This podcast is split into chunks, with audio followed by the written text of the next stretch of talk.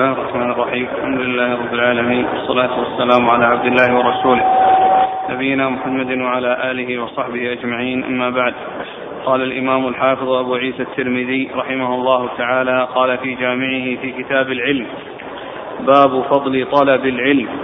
قال حدثنا محمود بن غيلان قال حدثنا أبو أسامة عن الأعمش عن أبي صالح عن أبي هريرة رضي الله عنه أنه قال قال رسول الله صلى الله عليه وعلى آله وسلم من سلك طريقا يلتمس فيه علما سهل الله له طريقا إلى الجنة. قال أبو عيسى هذا حديث حسن. بسم الله الرحمن الرحيم.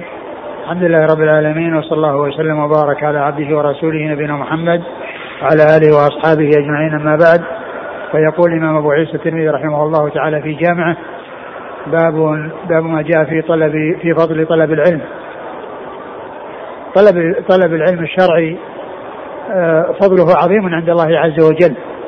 وقد ورد أبو عيسى هذا الحديث عن أبي هريرة عن رسول الله صلى الله عليه وسلم أنه قال من سلك طريقا يلتمس فيه علما سهل الله له به طريقا إلى الجنة. وهذا الحديث عن أبي هريرة هو رواه مسلم في صحيحه ضمن حديث طويل. اوله من نفس عن مسلم كربة من كرب الدنيا نفس الله عنه بها كربة من كرب يوم القيامة. ومن يسر على معسر يسر الله عليه في الدنيا والآخرة ومن ستر مسلما ستره الله في الدنيا والآخرة. والله في عون العبد ما كان العبد في عون أخيه. ومن سلك طريقا يلتمس فيه علما سهل الله له به طريق الجنة. و... و... ثم بعد ذلك بقية الحديث. وهذه الجملة وغيرها من الجمل التي قبلها فيها أن الجزاء من جنس العمل لأن العمل هنا في هذا الحديث سلوك طريق توصل إلى العلم والجزاء تسهيل طريق توصل إلى الجنة وتيسير طريق توصل إلى الجنة. فالجزاء من جنس العمل العمل هو سلوك طريق توصل إلى توصل إلى العلم والجزاء تسهيل طريق توصل إلى الجنة. وكذلك الجمل التي قبله. من نفس عن كربة من نفس عن مسلم كربة من كرب الدنيا نفس الله عنه بها كربة من كرب يوم القيامة. فالعمل تنفيس والجزاء تنفيس. ومن ومن يسر على معسر يسر الله في الدنيا والآخرة. العمل تيسير والجزاء تيسير. ومن ستر مسلما ستره الله في الدنيا والآخرة العمل ستر والجزاء ستر. فالجزاء من جنس العمل. وهذا الحديث يدل على فضل طلب العلم وأن شأنه عظيم. وذلك لأن العلم فيه آه، في تحصيله معرفة الحق والهدى الذي يسير به الإنسان إلى الله عز وجل على بصيرة ويدعو غيره على بصيرة فيكون هاديا مهديا مستفيدا مفيدا راشدا مرشدا آه، يعرف الحق ويعمل به ويدعو إليه.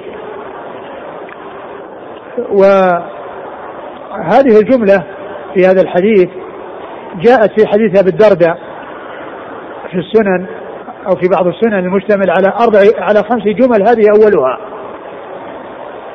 من سلك طريقا يلتمس في علم سهل الله به طريق الجنة وإن الملائكة لتضع أجنحتها لطالب العلم رضا بما يصنع وإن العالم يستغفر له من في السماوات ومن في الأرض حتى الحيتان في الماء وفضل العالم على العابد كفضل القمر على سائر الكواكب وإن العلماء ورثة الأنبياء وإن الأنبياء لم يورثوا دينارا ولا درهما.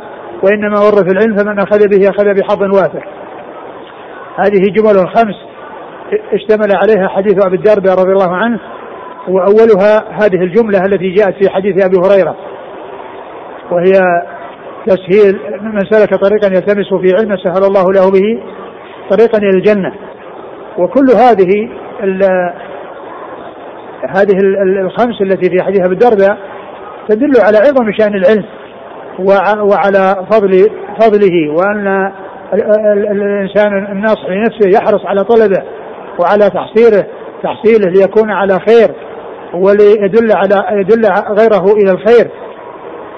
ف فالجملة الأولى فيها تحصيل تيسير طريق توصل إلى الجنة بسلوك هذا الطريق اللي يوصل إلى العلم وكذلك الملائكة تضع أجنحتها لطالب العلم رضا بما يصنع. معناها أن مجالس العلم تحضرها الملائكة وتحف بها الملائكة.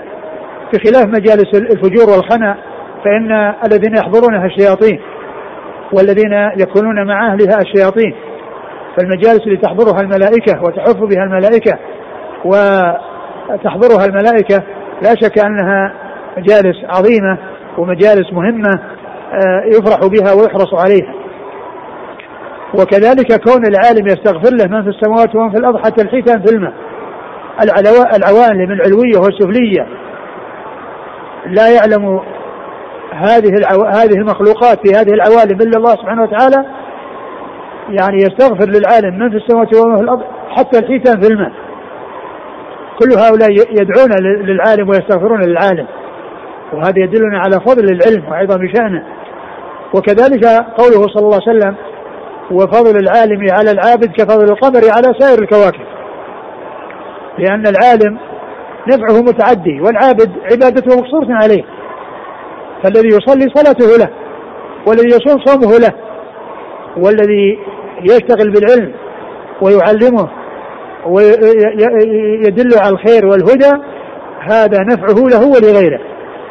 فلهذا كان تمييز العالم على العابد كفضل القمر على سائر الكواكب لأن العالم علمه له ولغيره والعابد عبادته له وحده. والعالم العالم علمه له ولغيره والعابد عبادته له وحده. ثم الجملة الأخيرة وهي نفيسة جدا وعظيمة وهي كون المشتغلين بالعلم وراث الأنبياء. وميراث الأنبياء العلم ليس ميراثهم المال. الأنبياء ليسوا كغيرهم من البشر الذين يجمعون المال ويورثونه لأقاربهم. الذين يرثونهم فإن الأنبياء لا يرث عنهم المال لأنهم ما جاءوا للدنيا وجمعها وتوريثها لأقاربهم وإنما جاءوا بالحق والهدى الذي من أخذ به سعد وظفر بما فيه الخير. ف آه هذا هو ميراث النبوة وهذا هو ميراث الأنبياء. وهذا الميراث مبذول لكل أحد. ليس يعني خاصا بأحد دون أحد. ميراث الأنبياء مبذول لكل من أراده. كل من يريد الخير فإن الباب مفتوح الطريق سالك. ما عليه إلا أن يعقد العزم ويتوكل على الله ويشتغل في طلب العلم ويجد في تحصيله ويسعى في تحصيل ما أمكنه منه. وميراث النبوة هو العلم. والعلم موجود لكل أحد. ليس لأحد دون أحد. ولهذا كان كانت الدعوة إلى الخير والدعوة إلى الهدى عامة لكل أحد. كما وصف الله نبيه وإنك لتهدي إلى صراط مستقيم. فهو كل يدعى للصراط المستقيم. وكل يهدى للصراط المستقيم ويبين له. ولكن هداية التوفيق و هداية التوفيق هي خاصة بالله عز وجل. إنك لا تهدي من أحببت ولكن الله يهدي من يشاء. هذه هداية التوفيق المنفية عن الرسول صلى الله عليه وسلم والمثبتة لله وحده. وأما هداية هداية الدلالة والإرشاد فقد أضافها الله إلى نبيه حيث قال وإنك لتهدي إلى صراط مستقيم. ويقول الله عز وجل والله يدعو إلى دار السلام ويهدي من يشاء إلى صراط مستقيم. يعني كل مدعو إلى دار السلام. ما هناك أحد يدعى وأحد ما يدعى. وأما الهداية للصراط المستقيم فهذه لمن وفقه الله عز وجل. والله يدعو إلى دار السلام يعني كل أحد. ويهدي من يشاء إلى صراط المستقيم. ما ما يهدي كل أحد. لأن الله تعالى شاء أن يكون الناس فريقين فريق في الجنة وفريق في السعير. ولو شاء الله لهدى الناس جميعا. قل فلله الحجة البالغة فلو شاء لهداكم أجمعين. ولو شئنا لآتينا كل نفس هداها ولكن حق القول مني لأملأن جهنم من الجنة والناس أجمعين. فإذا ال ال هذا هذه الجملة العظيمة في حديث أبي الدرداء عظيمة.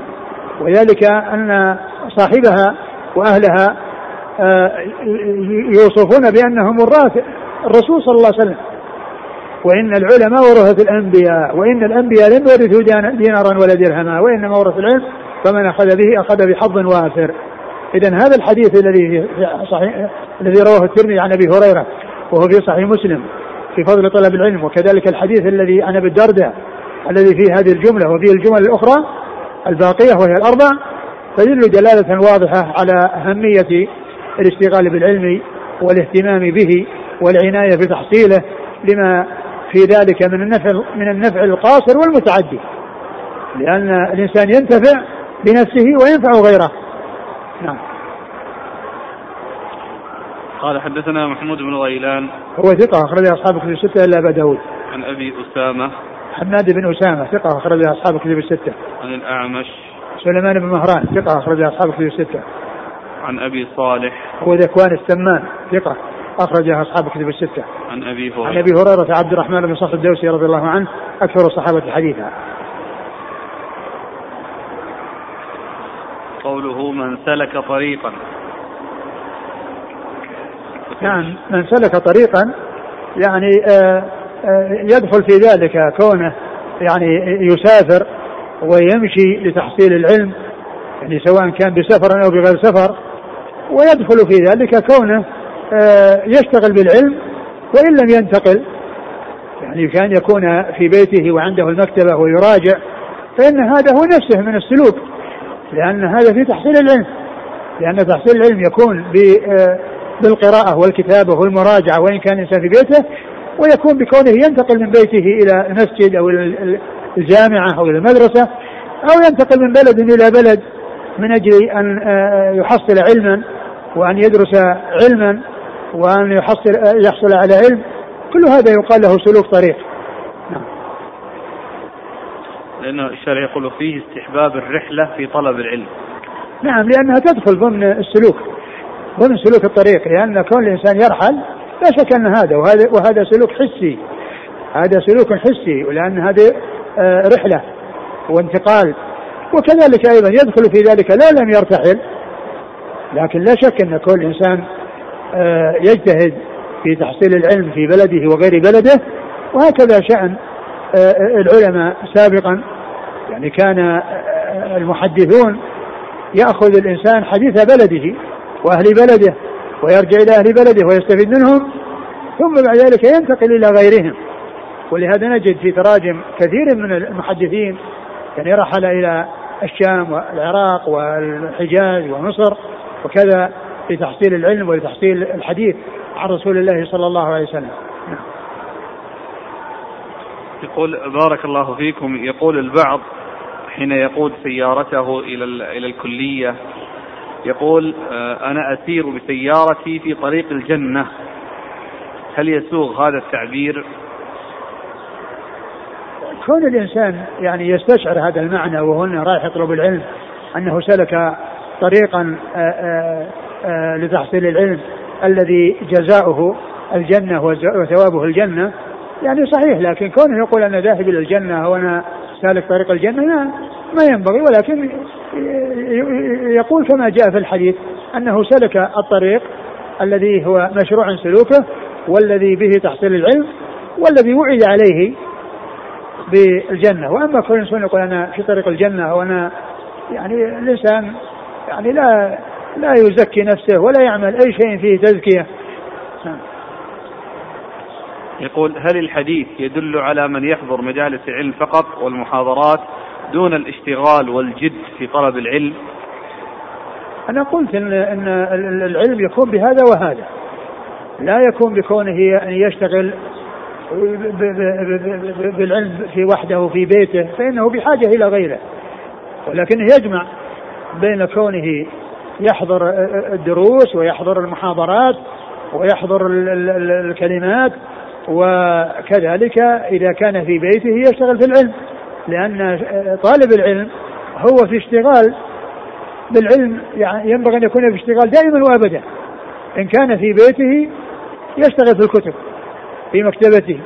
وإن خرج من بيته إن لقي الشيوخ ومن عنده علم يعني يرجع إليه فإنه يسأله ويرجع إليه. وإذا كان مع زملائه يذاكرهم يذاكرهم في العلم ويبحث معهم في مسائل العلم. وتكون الأحاديث عند اللقاء هي تتعلق بالعلم. لأن هذا هو الذي يحصل العلم وهو الذي يثبته وينميه. هو الذي يثبته وينميه. يثبت العلم مدارسته. والأخذ والإعطاء فيه. والحركة فيه. أما كون الإنسان آه، يهمل ويشتغل بغير العلم والمجالس تعمر بغير العلم وإذا حضر الطلاب اشتغلوا بالقيل والقال ولم يشتغلوا بالعلم هذا هذا الذي يحصل منهم قد يعود عليهم بالمضرة. ولكن لو اشتغلوا في العلم لحصلوا الخير في الدنيا والآخرة. حصلوا الخير وهو تحصيل العلم الذي به الاهتداء على بصيرة ويحصلون الخير في الآخرة الثواب من الله عز وجل على الاشتغال بالعلم. والحاصل أن أن طالب العلم عليه أن يكون معنيا بالعلم لأنه ما دام انه سلك هذا المسلك وارتضى لنفسه أن أن ينهج هذا المنهج الذي هو طلب العلم يكون جادا فيه. والجد فيه يكون بأن يكون شغله الشاغل. إن كان في بيته يراجع في العلم ويقرأ الكتب المفيدة وإن كان خارج بيته مع مشايخه يسألهم وإن كان مع زملائه يذاكرهم ويستفيد بعضهم من بعض وهذا هو الذي يثبت العلم وينميه. ولهذا يقولون كل شيء ينقص بالإنفاق منه إلا العلم فإنه يزيد بالإنفاق منه. العلم يزيد بالإنفاق منه لأن كل إنسان يأخذ ويعطي ويشتغل بالعلم دائما وأبدا هو الذي يثبته وينميه. يثبت الموجود ويحصل المفقود. يثبت ما كان موجودا مما كان عنده ويحصل شيئا جديدا يضيفه إلى ما عنده. ويحصل شيئا جديدا يضيف إلى ما عنده. وأما إذا غفل عن ذلك أو أهمل فإن الذي عنده يتبخر. يعني يضيع وينساه. ولهذا يقول الشاعر الذي يوصي ولده يقول في, في, طلب العلم والاشتغال به يقول وكنز لا تخشى عليه لصا. وكنز أي العلم. كنز لا تخشى عليه لصا. خفيف الحمل يوجد حيث كنت. الإنسان إذا كان علمه في في في في, في راسه وعنده يعني معرفة بالعلم فإنه أي مكان يكون علمه معه. وحمله خفيف ما يحتاج إلى مشقة. لأنه في في في ذهنه وفي آه، فهمه وكنز لا تخشاه لا يخشى اللصوص عليه الإنسان إذا كانت جيوبه ملأة من النقود يفرغها اللصوص. لكن ما يستطيعون يطلعون اللي في راسه من العلم العلم اللي في راسه ما يستطيعون يخرجونه. هو باقي. ما يخشى عليه اللصوص. كنز لا يخشى عليه اللصوص. الكنوز الأخرى يخشى عليها اللصوص. كنوز المال. يخشى. وأما كنز العلم لا يخشى عليه اللصوص. ثم قال يزيد بكثرة الإنفاق منه. يزيد بكثرة الإنفاق منه. كل إنسان يسأل ويجيب ويعلم ويتعلم ويذاكر. هذا فيه زيادة. تثبيت ونماء. تثبيت لما كان موجودا وتنمية لما كان مفقود وتحصيل لما كان مفقودا. وينقص إن يدا عليه شددتها. ينقص. يعني يتبخر. الإنسان إذا أهمله نسيه إذا أهمل الاشتغال بالعلم نسي ما كان عنده. يقول شيخنا الفاضل لدي حوالي سنتين وأنا بحمد الله أحضر إلى مجالسكم العلمية ولكن لا أحس في قرارة نفسي بتحصيل شيء من العلم الذي تطمئن إليه نفسي فهل هذا راجع إلى الخلل في المنهجية؟ فما وما هي نصيحتكم لي؟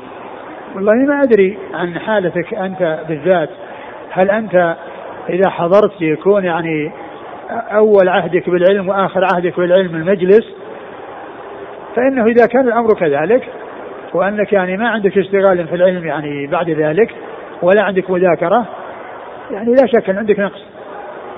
وأما ال ال ال الكمال وتحصيل العلم على الحقيقة هو الذي يكون شغله الشاغل هذا.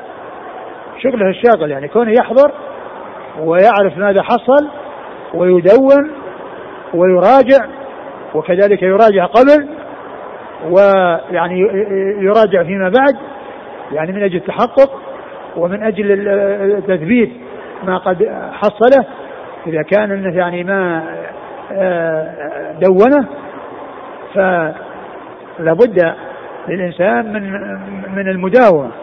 أما إذا كان الإنسان يعني ما يعرف العلم إلا في درس في في مجلس العلم وبعد ذلك هو آخر عهده بالعلم هذا ما هو ما ما هي طريقة أهل الجد والاجتهاد. يعني آه الذي شأنه أنه آه يحضر ثم بعد ذلك قد لا يكون حضوره يعني معه انتباه ومعه اهتمام ومعه عناية. لا شك أن هذا يكون في خلع الإنسان.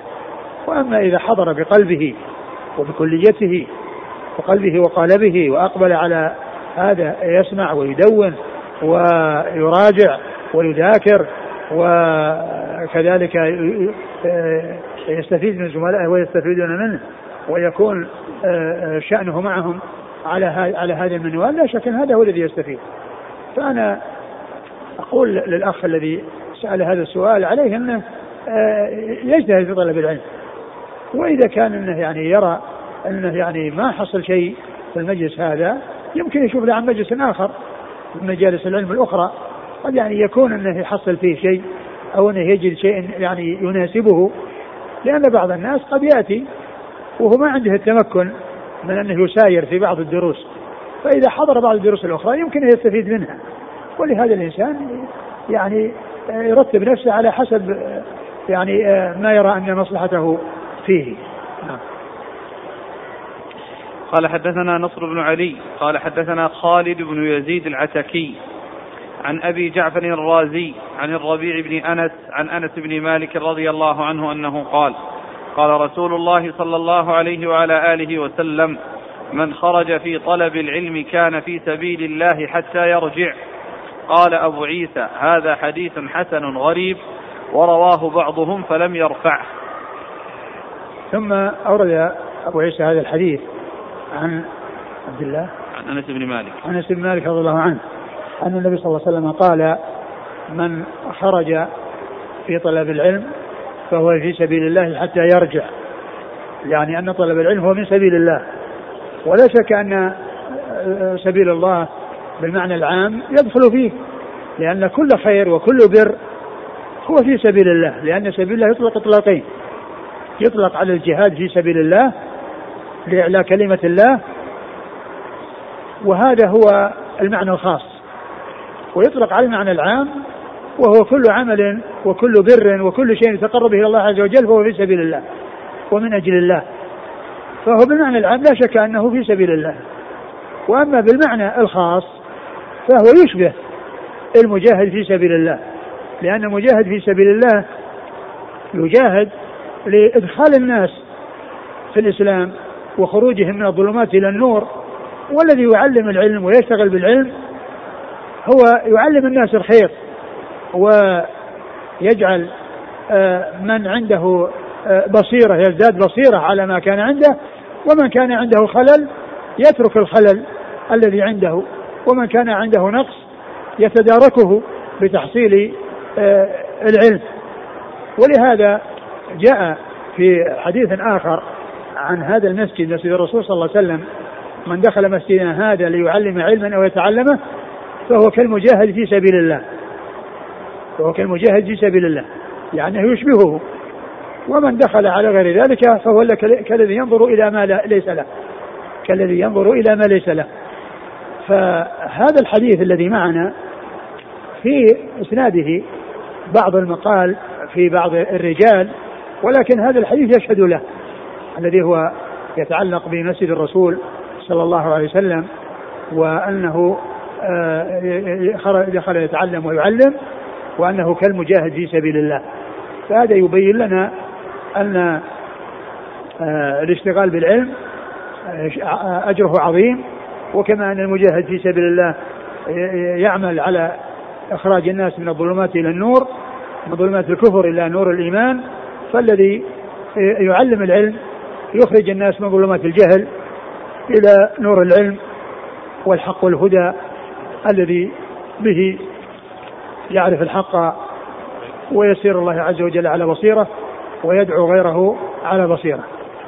والشيخ الألباني رحمه الله ضعف الحديث هنا ولكنه حسنه الترغيب والترهيب واستشهد له بهذا الحديث الذي أشرت إليه وهو الحديث الذي يتعلق ب آه، تعلم العلم وتعليمه في هذا المسجد مسجد الرسول صلى الله عليه وسلم. نعم. قال حدثنا نصر بن علي. هو الجهضمي ثقة أخرج أصحاب أصحاب الكتب الستة. نصر بن علي ابن نصر بن علي. نعم. عن خالد بن يزيد العتكي. وهو صدوق. يهم. نعم. أبو داود الترمذي نعم. عن أبي جعفر الرازي. وهو صدوق. سيء الحفظ. نعم. البخاري في المفرد وأصحاب السنن. نعم. عن الربيع بن أنس. وهو صدوق له أوهام نعم. أصحاب السنن. نعم. عن أنس بن مالك. خادم رسول الله صلى الله عليه وسلم واحد من سبع المكثرين من حديثه. آه، حكم طلب العلم. طلب العلم هو فرض كفاية وفرض عين. منه ما هو فرض عين وهو ما لابد للإنسان منه.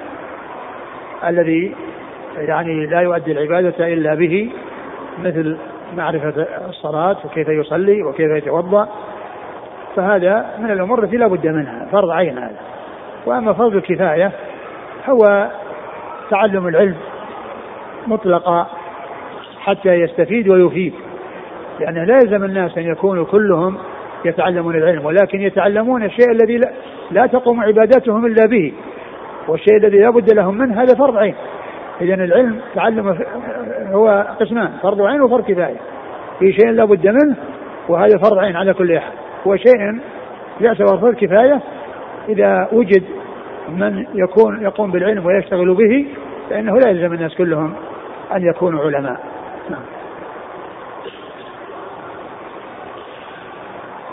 قال حدثنا محمد بن حميد الرازي قال حدثنا محمد بن المعلى قال حدثنا زياد بن خيثمة عن أبي, عن أبي داود عن عبد الله بن سخبرة عن سخبرة رضي الله عنه عن النبي صلى الله عليه وسلم أنه قال من طلب العلم كان كفارة لما مضى.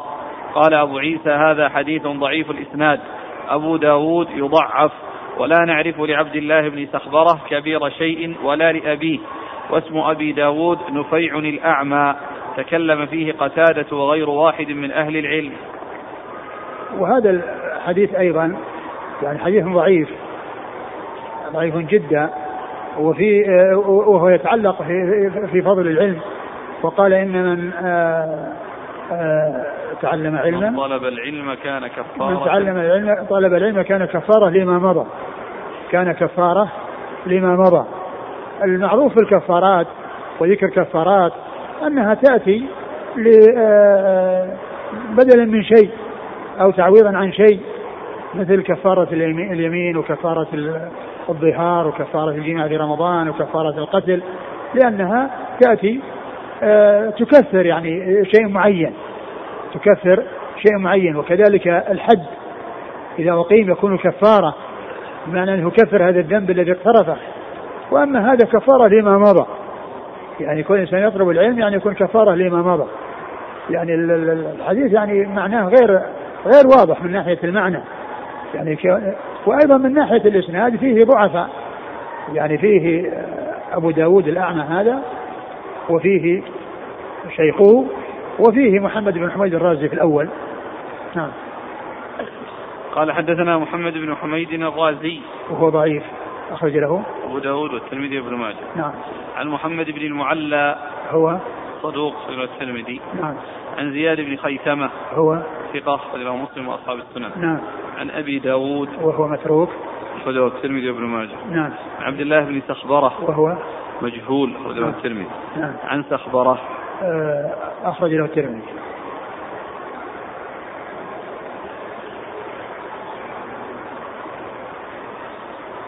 هنا الشارح يقول من طلب العلم أي العلم الشرعي ليعمل به. التقييد يعني بالعمل به ألا يكون هذا هو وجه التكفير؟ يعني نيته أنه سيعمل بالأعمال الصالحة فتكون كفارة. لا يكون الإنسان يعني يتعلم يكون كفارة لكل ما مضى. الذي ما مضى يعني صغائر وكبائر فالصغائر الأعمال الصالحة تكفرها وأما الكبائر تكفرها التوبة. ومعلوم أن العلم آه، العلم النافع هو الذي يعمل به. وأما العلم الذي لا يعمل به فهو وبال وبال على صاحبه وزيادة حجة كما قال صلى الله عليه وسلم والقرآن حجة لك أو عليك. والقرآن حجة لك أو عليك. حجة لك إذا قمت بما يجب عليك نحوه وعملت به وحجة عليك إذا كنت بخلاف ذلك. والعالم الذي لا يعمل بعلمه هو من, من أول من استعر بهم النار يوم القيامة. لأن من يعصي الله على علم وبصيرة أخطر ممن يعصيه على جهل وعدم معرفة. ولهذا كان اليهود أشد من النصارى وأخبث من النصارى لأنهم يعصون الله على علم وأولئك أهل جهل وضلال. ولهذا صار اليهود مغضوبا مغضوبا عليهم والنصارى ضالين. وكان اليهود أخبث من النصارى. فالذي الذي آه، يحصل العلم ولا يعمل به يكون وبالا عليه. ولهذا جاء عن سفيان بن أنه قال من فسد من علمائنا فهو شبه من اليهود ومن فسد من عبادنا فهو شبه من النصارى. لأنه ذكر في سورة الفاتحة في آخرها آه، انقسام الناس ثلاثة أقسام أهل علم وعمل وأهل علم بلا عمل وأهل عمل بلا علم. صراط الذين أنعمت عليهم أهل العلم والعمل. غير المغضوب عليهم أهل العلم بلا عمل ولا الضالين أهل العمل بلا علم. فالجمع بين العلم والعمل هو طريق المنعم عليهم من النبيين والصديقين والشهداء والصالحين. قال رحمه الله تعالى باب ما جاء في كتمان العلم. قال حدثنا أحمد بن بديل ابن قريش اليامي الكوفي. قال حدثنا عبد الله بن نمير عن عمارة بن زازان عن علي بن الحكم عن عطاء عن أبي هريرة رضي الله عنه أنه قال قال رسول الله صلى الله عليه وعلى آله وسلم من سئل عن علم ثم كتمه ألجم يوم القيامة بلجام من نار. قال وفي الباب عن جابر وعبد الله بن عمرو. قال أبو عيسى حديث أبي هريرة حديث حسن. ثم ورد أبو عيسى باب ما جاء في كتمان العلم. العلم يتعلم ليعمل به ويعلم ويدل عليه ويدعى إليه. ويبصر به حتى يستفيد ويفيد. يستفيد الإنسان ويفيد. ولهذا صار العلم أميز من العبادة كما مر في الحديث الذي أشرت إليه وفضل العالم على العابد كفضل القمر على سائر الكواكب. إنما كان العالم أفضل من العابد لأن نفعه يتعدى والعابد نفعه مقصور عليه. فكل إنسان يصير عنده علم ولا يعديه ولا ينفع غيره به ويحتاج الناس إليه ولا يبذله مع حاجتهم إليه. لا شك أنه آه أنه أنه آه أخطأ في في عمله وفي تصرفه. بل الإنسان عندما يكون عنده علم يعمل به ويدعو إليه. يعمل به ويدعو إليه. أما كونه يحتاج إليه ثم يكتمه فإن هذا على خطر ولهذا جاء في هذا الحديث أورد المصنف هذا الحديث من سئل عن علم فكتمه. نعم. ألجم. من سئل عن علم ثم كتمه ألجم يوم القيامة بلجام نعم من نار. من سئل عن علم ثم كتمه ألجم يوم القيامة بلجام من نار.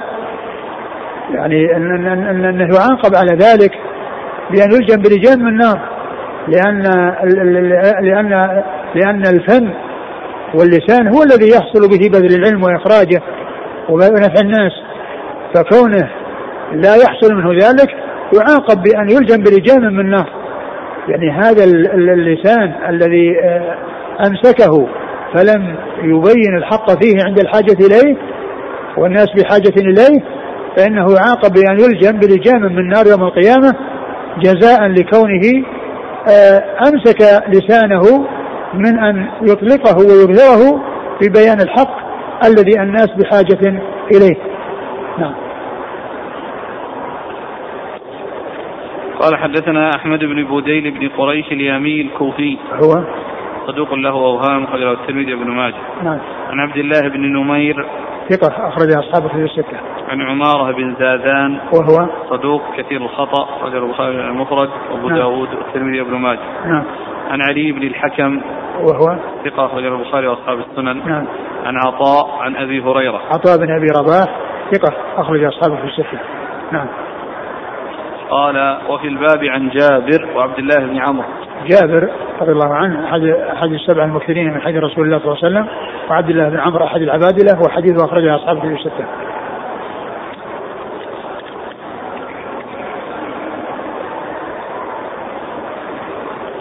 يقول ما حكم من كتم علما ليس ضروريا مما يترتب عليه حكم شرعي كعلم النحو مثلا. معلوم أن علم النحو يعني هذا من من, من الوسائل وال يعني ليس مثل علم الكتاب والسنة الذي الناس بحاجة إليه.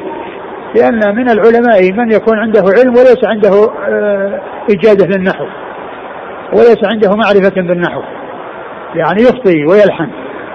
لكن لا شك أن كون الإنسان يعني يتعلم علم النحو من أجل أنه يعرب الكلام ويعرب الحديث ويأتي به على وجهه لا شك أن هذا مطلوب. والشيء الذي الناس بحاجة إليه وهم لا بد لهم منه هو العلم الشرعي علم الكتاب والسنة. وأما علم النحو يعني ليس ليس مثل هذا.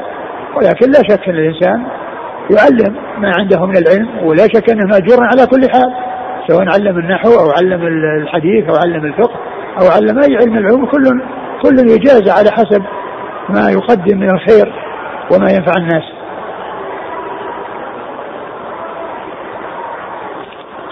بمناسبة الحديث شاع وقد جاء السؤال مرة ثانية.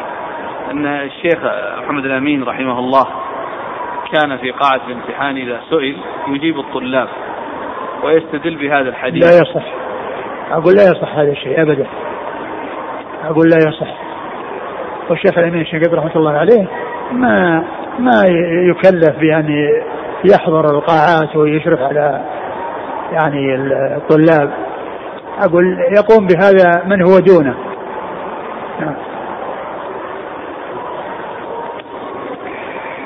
لكن هناك يعني بعض المسائل الإنسان يسأل ويكون غيره يغني عنه فكونه يعني ما هو مرتاح يعني لشيء يفتي به ويحيل إلى غيره ممن عنده قدرة أو ممن ممن يعني يلزمه أن يجيب وأن يعطي الجواب لمن سأل هذا ما في بس لأنها يعني آه، الفتوى والحرص على الفتوى وكان كان كما جاء عن بعض السلف أنهم كان كل واحد يحب أن يكفيه أخاه يكفيه أخوه.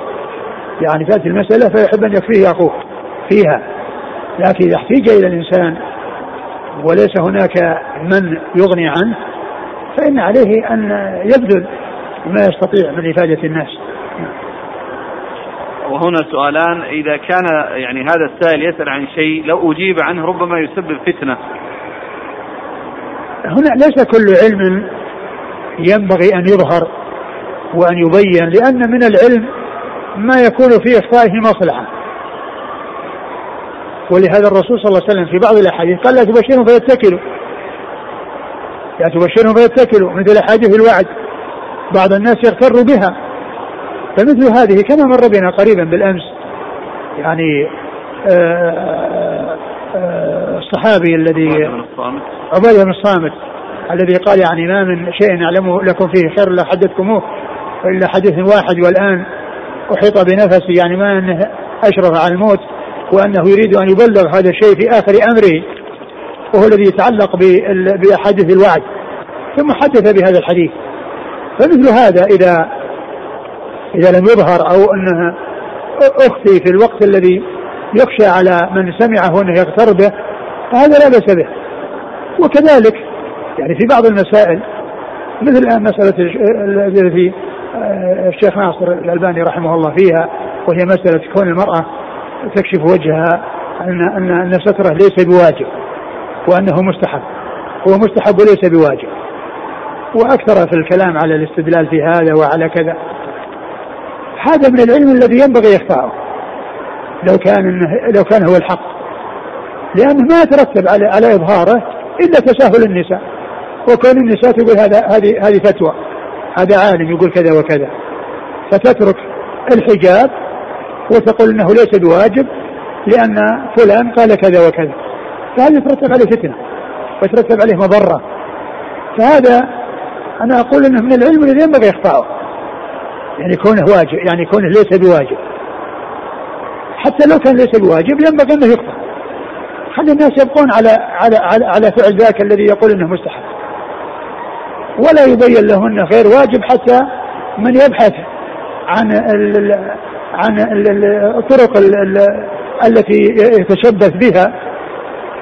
يعني آه، فيعمل بها مثل ما تفعل بعض النساء التي ترغب الانفلات وترغب ترك الحجاب.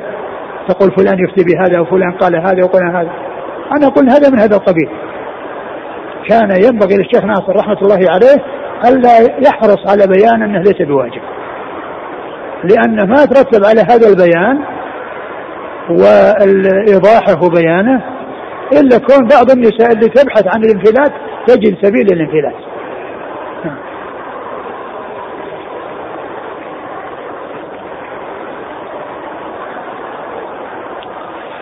قال رحمه الله تعالى باب ما جاء في الاستيصاء بمن يطلب العلم. قال حدثنا سفيان بن وكيع. قال حدثنا أبو داود الحفري عن سفيان عن أبي هارون العبدي. قال كنا نأتي أبا سعيد رضي الله عنه فيقول مرحبا بوصية رسول الله صلى الله عليه وعلى آله وسلم. إن رسول الله صلى الله عليه وعلى آله وسلم قال إن الناس لكم تبع. وإن رجالا يأتونكم من أقطار الأراضين يتفقهون في الدين فإذا أتوكم فاستوصوا بهم خيرا. قال أبو عيسى قال علي قال يحيى بن سعيد كان شعبة يضعف أبا هارون العبدي. قال يحيى بن سعيد ما زال ابن عون يروي عن أبي هارون العبدي حتى مات وأبو هارون اسمه عمارة بن جوين. نعم. قال حدثنا قتيبة قال حدثنا نوح بن قيس عن أبي هارون العبدي عن أبي سعيد الخدري رضي الله عنه عن النبي صلى الله عليه وعلى آله وسلم أنه قال يأتيكم رجال من قبل المشرق يتعلمون فإذا جاءوكم فاستوصوا بهم خيرا. قال فكان أبو سعيد إذا رآنا قال مرحبا بوصية رسول الله صلى الله عليه وآله وسلم. قال هذا حديث لا نعرفه إلا من حديث أبي هارون عن أبي سعيد. ثم أورد أبو عيسى الترجمة باب في الاستيصاء في بمن يطلب العلم. بمن يطلب العلم.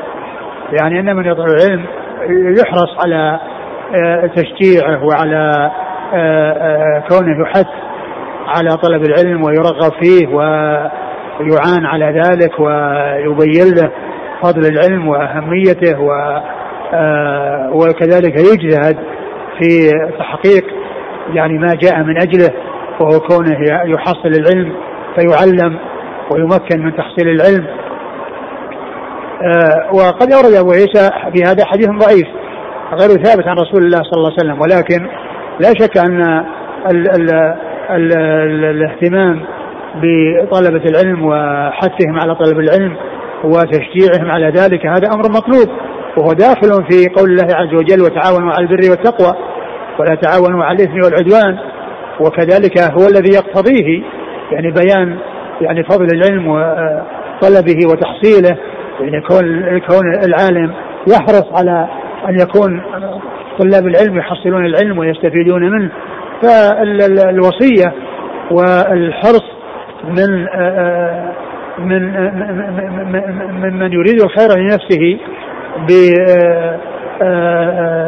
بالحث على طلب العلم لمن يريده وتشجيعه وترغيبه في ذلك لا شك أن هذا مطلوب. لكن الحديث الذي ورد في هذا عن أبي سعيد ضعيف. وقال إنه يأتيكم ناس فاستوصي بهم خيرا. لا شك أنه يستوصى بطلبة العلم خيرا ولكن الحديث لم يثبت عن رسول الله صلى الله عليه وسلم في وجود من هو شديد الضعف فيه وهو أبو هارون. نعم. قال حدثنا سفيان بن وكيع هو صدوق ابتلي آه، بوراق فنصح ولم ينتصح وترك حديثه. نعم. عن أبي داود أخرجه الترمذي بن ماجه. نعم. عن أبي داود الحفري. وهو عمر بن عمر, عمر بن سعد. نعم أخرجه مسلم وأصحاب السنن. ثقة. ثقة مسلم وأصحاب السنن. عن نعم. سفيان. سفيان هو الثوري ثقة أخرج أصحابه في الستة. عن أبي هارون العبدي. وهو متروك. اسمه عمارة بن جوين. وهو متروك. البخاري في خلق أفعال العباد والترمذي وابن ماجه. نعم. عن أبي سعيد. نعم. قال حدثنا قتيبة. قتيبة بن سعيد ثقة أخرج أصحابه في الستة. عن نوح بن قيس. هو. صدوق له مسلم وأصحاب السنن. نعم. عن أبي هارون عن أبي سعيد. نعم.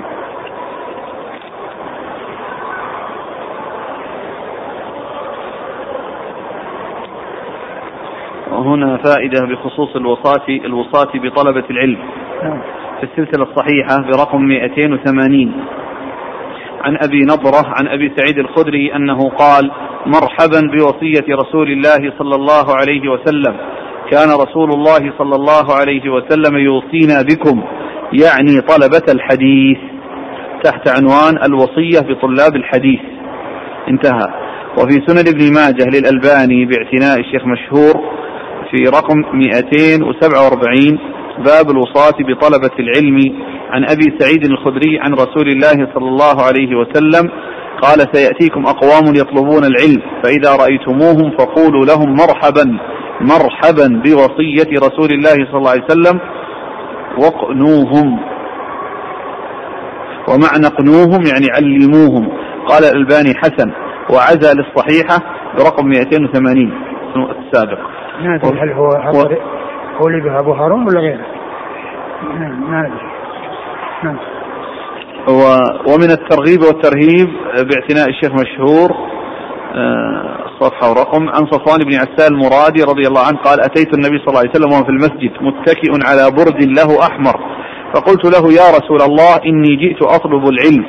فقال مرحبا بطالب العلم إن طالب العلم تحفه الملائكة وتظله بأجنحتها ثم يركب بعد حتى يبلغ السماء الدنيا من محبتهم لما يطلب.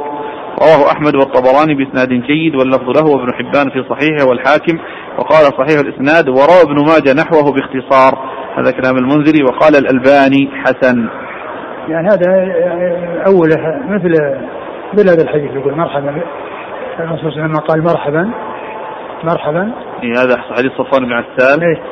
أتيت النبي صلى الله عليه وسلم متكئ على برج أحمر فقلت له يا رسول إني جئت أطلب العلم فقال مرحبا بطالب العلم. نعم.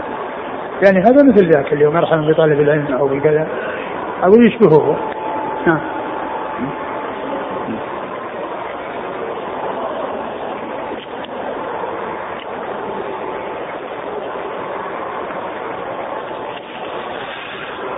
قال رحمه الله تعالى باب ما جاء في ذهاب العلم. قال حدثنا هارون بن إسحاق الهمداني قال حدثنا عبدة بن سليمان عن هشام بن عروة عن أبيه عن عبد الله بن عمرو بن العاص قال رضي الله عنهما أنه قال قال رسول الله صلى الله عليه وعلى آله وسلم إن الله لا يقبض العلم انتزاعا ينتزعه من الناس ولكن يقبض العلم بقبض العلماء حتى إذا لم يترك عالما اتخذ الناس رؤوسا جهالا فسئلوا فأفتوا بغير علم فضلوا وأضلوا. قال وفي الباب عن عائشة وزياد بن لبيد رضي الله عنهما. قال أبو عيسى هذا حديث حسن صحيح وقد روى هذا الحديث الزهري عن عروة عن عبد الله بن عمرو وعن عروة عن عائشة عن النبي صلى الله عليه وسلم مثل هذا. ثم قال أبو عيسى رحمه الله باب في ذهاب العلم. نعم. باب في ذهاب العلم. أي أن العلم يذهب ويفقد من الناس وفقده بذهاب حملته لأن العالم الذي يرجع إليه ويستفاد منه إذا مات ذهب معه علمه إلا إذا كان هناك شيء مدون دونه فإنه يبقى وراءه يستفاد منه وإلا فإنه إذا ذهب يذهب علمه معه. فذهاب العلم إنما يكون بذهاب أهله وبذهاب حملته. ما هو يسلب من قلوب الرجال وصدور الرجال في لحظة؟ وأن الناس يعني العالم يبقى يعني آه، كان عالما ثم آه، في لحظة يذهب علما فيبقى بدون علم. الرسول صلى الله عليه وسلم بين في هذا الحديث حديث ابن عمرو العاص إن الله لا يقبض العلم انتزاعا ينتزع من قلوب الرجال. ليس قبض العلم كون الإنسان يكون عالم ثم يصبح وليس عنده شيء من العلم. لأنه خذ الذي في صدره وفي قلبه. هذا الرسول أخبر صلى الله عليه وسلم بأنه لا يحصل هذا الشيء. إن الله لا يقبض العلم انتزاعا ينتزع من قلوب الرجال. ولكن يقبض ولكن يقبض العلم ب ولكن يقبض العلم بقبض العلماء ولكن يقبض العلم بقبض العلماء لأن العالم إذا ذهب ذهب معه علمه وقد ويكون العالم مرجع يرجع إليه ويستفاد منه ويحتاج الناس إليه ويرضون بما آه، يخبرهم به ويفتيهم به. فإذا ذهب بقي الناس بدون ذلك المرجع الذي هم بأشد الحاجة إليه. وهذا واضح جدا. يعني عندنا علماء يعني ماتوا يعني آه، منهم من مات في آه، آه، وقت متقارب مثل الشيخ عبد العزيز بن باز رحمة الله عليه والشيخ ابن عثيمين والشيخ الألباني ماتوا في اثنان في سنة وواحد في السنة التي بعدها فذهابهم يعني فقد الناس به علم عظيم. وكذلك شيخنا الشيخ الأمين الشنقيطي رحمة الله عليه توفي سنة 93 300 كان بحرا وكان عالما. وكان آية من آيات الله في الحفظ. يذكر الناس بالعلماء بالعلماء السابقين الذين نسمع عن حفظهم وعن تمكنهم من الحفظ وكيف يحفظون. يعني آه يذكر بأولئك وبهذه الأخبار التي تأتي في الكتب عن المتقدمين في حفظه واستيعابه وكونه يستذكر الآيات آه، آه، في الموضوع الواحد والأشعار التي تدل على الكلمة اللغوية. فالأمر آه، مثل ما أخبر الرسول صلى الله عليه وسلم. إذا قبض العالم ذهب معه علمه معه فصار الناس آه، آه، فقدوا يعني هذا الخير العظيم الذي كانوا الذي كان بين أيديهم. فالرسول صلى الله عليه وسلم يقول الله لا يقبض العلم انتزاعا انتزاعا قلوب الرجال ولكن يقبض العلم بقبض العلماء حتى إذا لم يترك عالما فاتخذ الناس رؤوسا جهالا فسئلوا فأفتوا بغير علم فضلوا وأضلوا. يعني ضلوا بأنفسهم لأنهم تكلموا بغير علم وأضلوا غيرهم ممن علموه آه، وأفتوه بغير علم. فهذا يبين يعني عظم شأن العلماء والرجوع إليهم والاستفادة منهم وأن ان ان ان ان, أن بموتهم يحصل آه، ذهب ما عندهم من العلم معهم. فتحصل الخسارة الكبيرة للناس ولهذا آه، يحرص أو يحرص طلبة العلم على تحصيل العلم وعلى الاشتغال فيه والجد فيه حتى يستفيدوا ويفيدوا. نعم.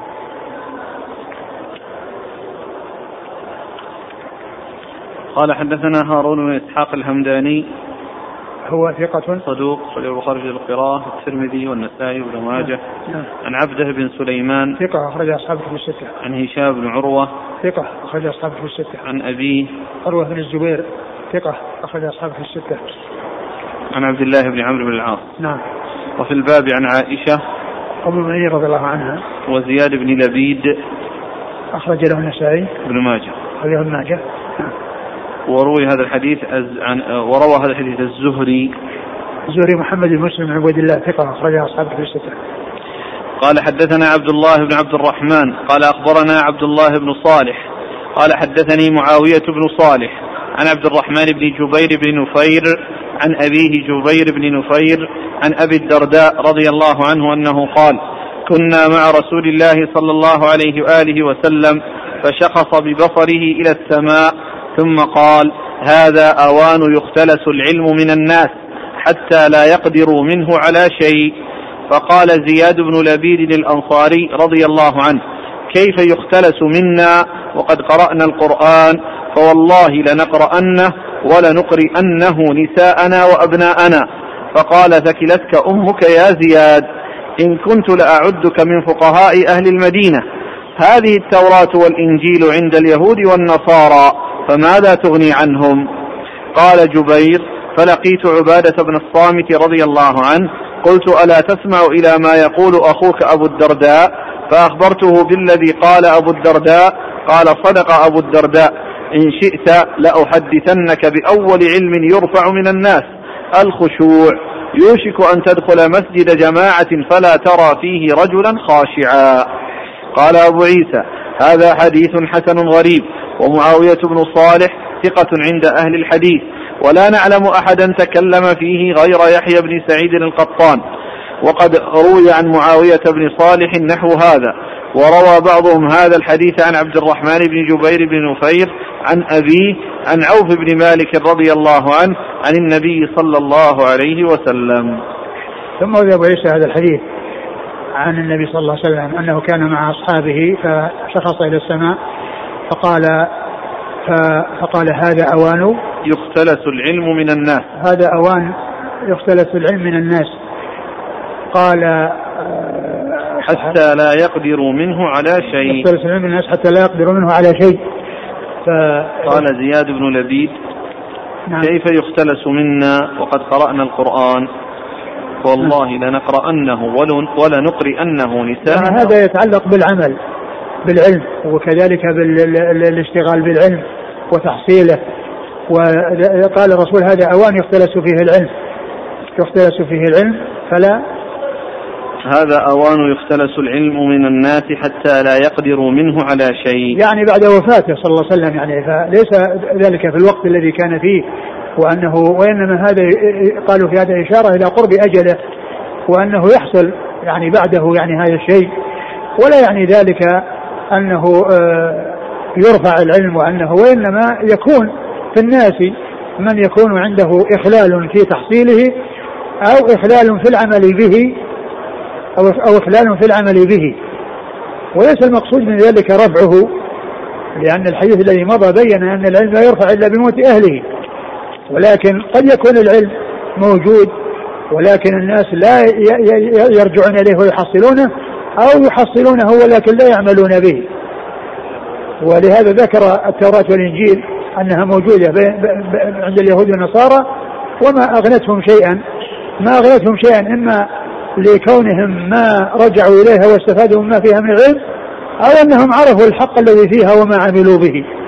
عرفوا الحق الذي فيها وما عملوا. ثم ذكر بعد ذلك أن الخشوع يعني هذا مما مما يرفع. نعم. ما يرفع. أول علم يرفع من الناس الخشوع. الخشوع يعني المقصود من ذلك أثر العلم. وذلك الخشوع يعني في الصلاة يعني كل إنسان يقبل على صلاته. لأن الخشوع في الصلاة والإقبال عليها بحيث يكون مؤديا لها ومستحضرا يعني تلك العبادة ومشغولا بها.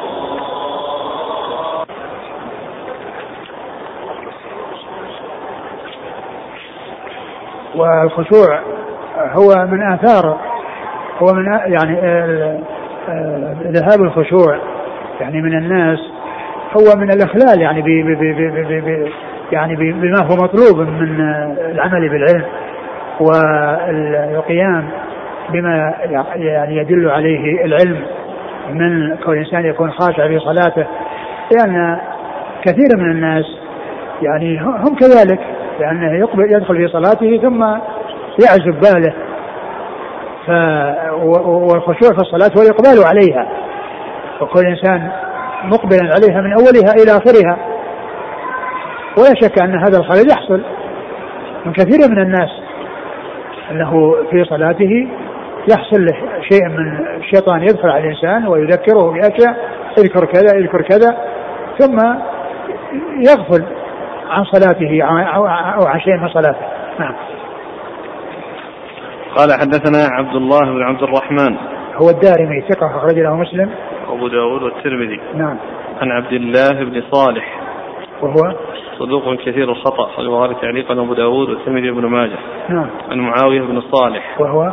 صدوق له أوهام أخرج البخاري في القراءة ومسلم وأصحاب السنن. نعم. عن عبد الرحمن بن جبير بن نفير. وهو؟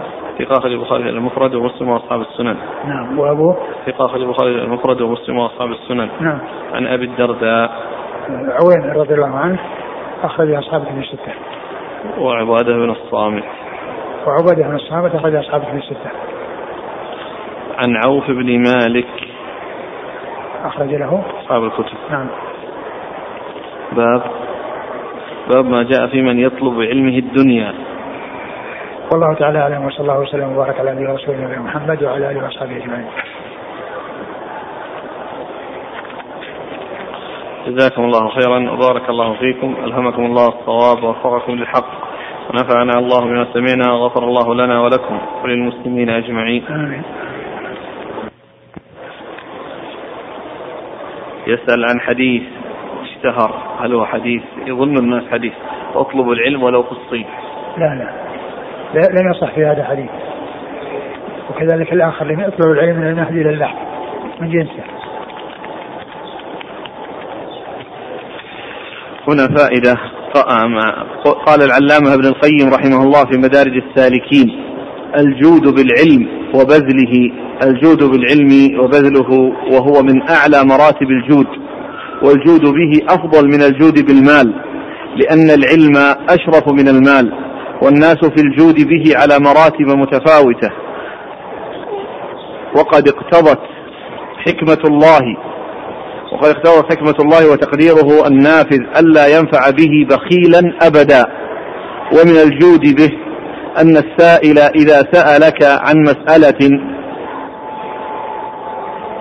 يعني في بعض الكلام ما أعرف أقرأها يعني يقول طرحا ومن الجود بالعلم أن السائل إذا سلك عن مسألة استقصيت له جوابها جوابا شافيا. لا يكون جوابك بقدر ما تدفع به الضرورة كما كان بعضهم يكتب في جواب الفتيا نعم أو لا مقتصرا عليها. ولقد شاهدت شيخ الإسلام في ذلك أمرا عجبا. كان إذا سئل عن مسألة حكمية لعلها ذكر في جوابها مذاهب الأئمة الأربعة إذا قدر أو قدر ومأخذ الخلاف وترجيح القول الراجح وذكر متعلقات المسألة التي ربما تكون أنفع للسائل من مسألته فيكون فرحه بتلك المتعلقات واللوازم أعظم من فرحه بمسألته. يعني هذا السائل إذا كان من المستعينين بالعلم. أقول مثل هذا إذا كان من المستعينين بالعلم وإلا الإنسان العامي ليس بحاجة إلى هذا. يعطي النتيجة النهائية. نعم. وهذه فتاواه رحمه الله بين الناس فمن أحب الوقوف عليها رأى ذلك.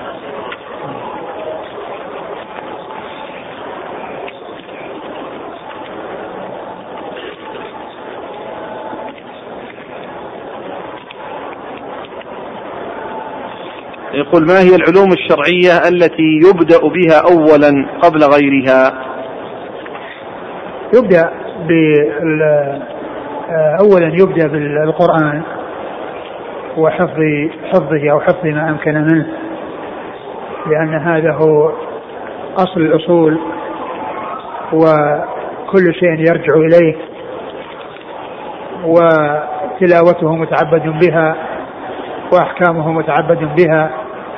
فيحرص الإنسان على الاشتغال بالقرآن بأن يحفظه وكذلك أيضا يشتغل بالحديث حديث الرسول صلى الله عليه وسلم وكذلك يشتغل بالمسائل العقيدة ويشتغل بالفقه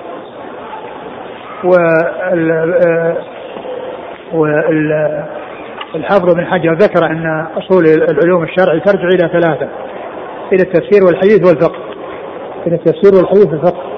وهو يعنى بالقرآن بحفظه وحفظ ما أمكن منه وكذلك الرجوع إلى كتب التفسير التي تفيد فيه وهي متفاوتة فمنها ما هو الواسع الذي لا يستفيد منه إلا طلبة العلم مثل تفسير ابن جرير وتفسير ابن كثير وفيه من التفاسير ما يستفيد منه الخواص والعوام وهو يصطلح لطلبة العلم وغيرهم وهو مثل تفسير الشيخ ابن سعدي رحمة الله عليه فإنه كتاب عظيم يفسر فيه معاني الآيات بعبارات واضحة جلية سلسة يفهمها العامي وطالب العلم. فمثل هذا الكتاب رجوع طالب العلم إليه وكذلك قراءته على الناس في المساجد لا شك أنهم يستفيدون منه. وتتبين فيه معاني القرآن الكريم.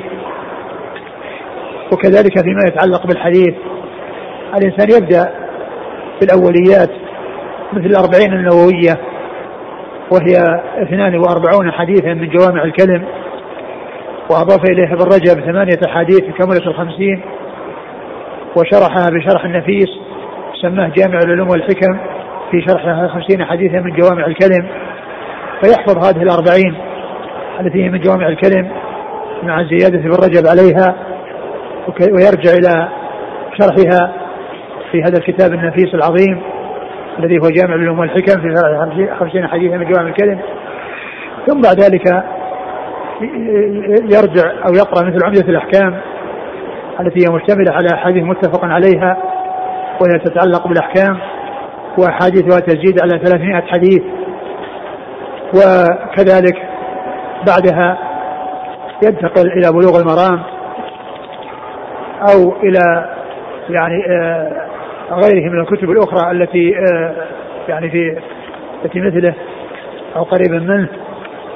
وكذلك وفيما يتعلق ب ويقتني كتب الحديث إذا كان له اشتغال بالحديث أو رغبة أو اهتمام بالحديث يشتغل بكتب الحديث ويعتني بها وفي مقدمتها الصحيحان وكتب السنن الأربع وكذلك أيضا فيما يتعلق بالفقه يرجع يعني إلى آآ آآ يتعلم الفقه على من عنده علم وبصيرة ويمكن أن يقرأ الفقه على مذهب من المذاهب لكن قراءته تكون على من عنده علم بالراجح والمرجوح ومعرفة الأدلة والمقارنة بينها فهو يتعلم في في في مذهب المذاهب لا على أساس أنه يتقيد به وأنه لا يتعداه إلى غيره وإنما لأن المسائل نظمت ورتبت فكل إنسان يقرأ في شيء منظم مرتب ولكنه يحرص على معرفة الأدلة ومعرفة الراجح والمرجوح. هذا هو الذي ينبغي أن يكون التعلم عليه بهذه الطريقة.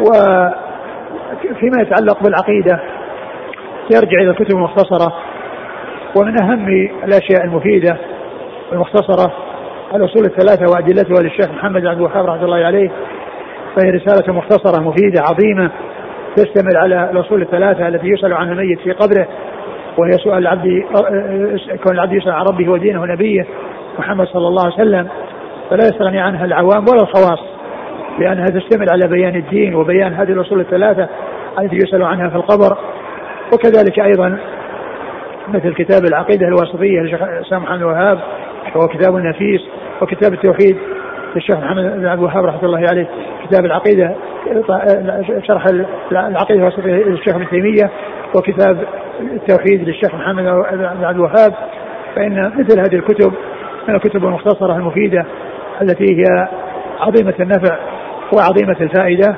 وهكذا الإنسان يتدرج يعني من الكتب المختصرة إلى الكتب التي تكون أوسع منها. جزاكم الله خيرا. سبحانك الله وبحمدك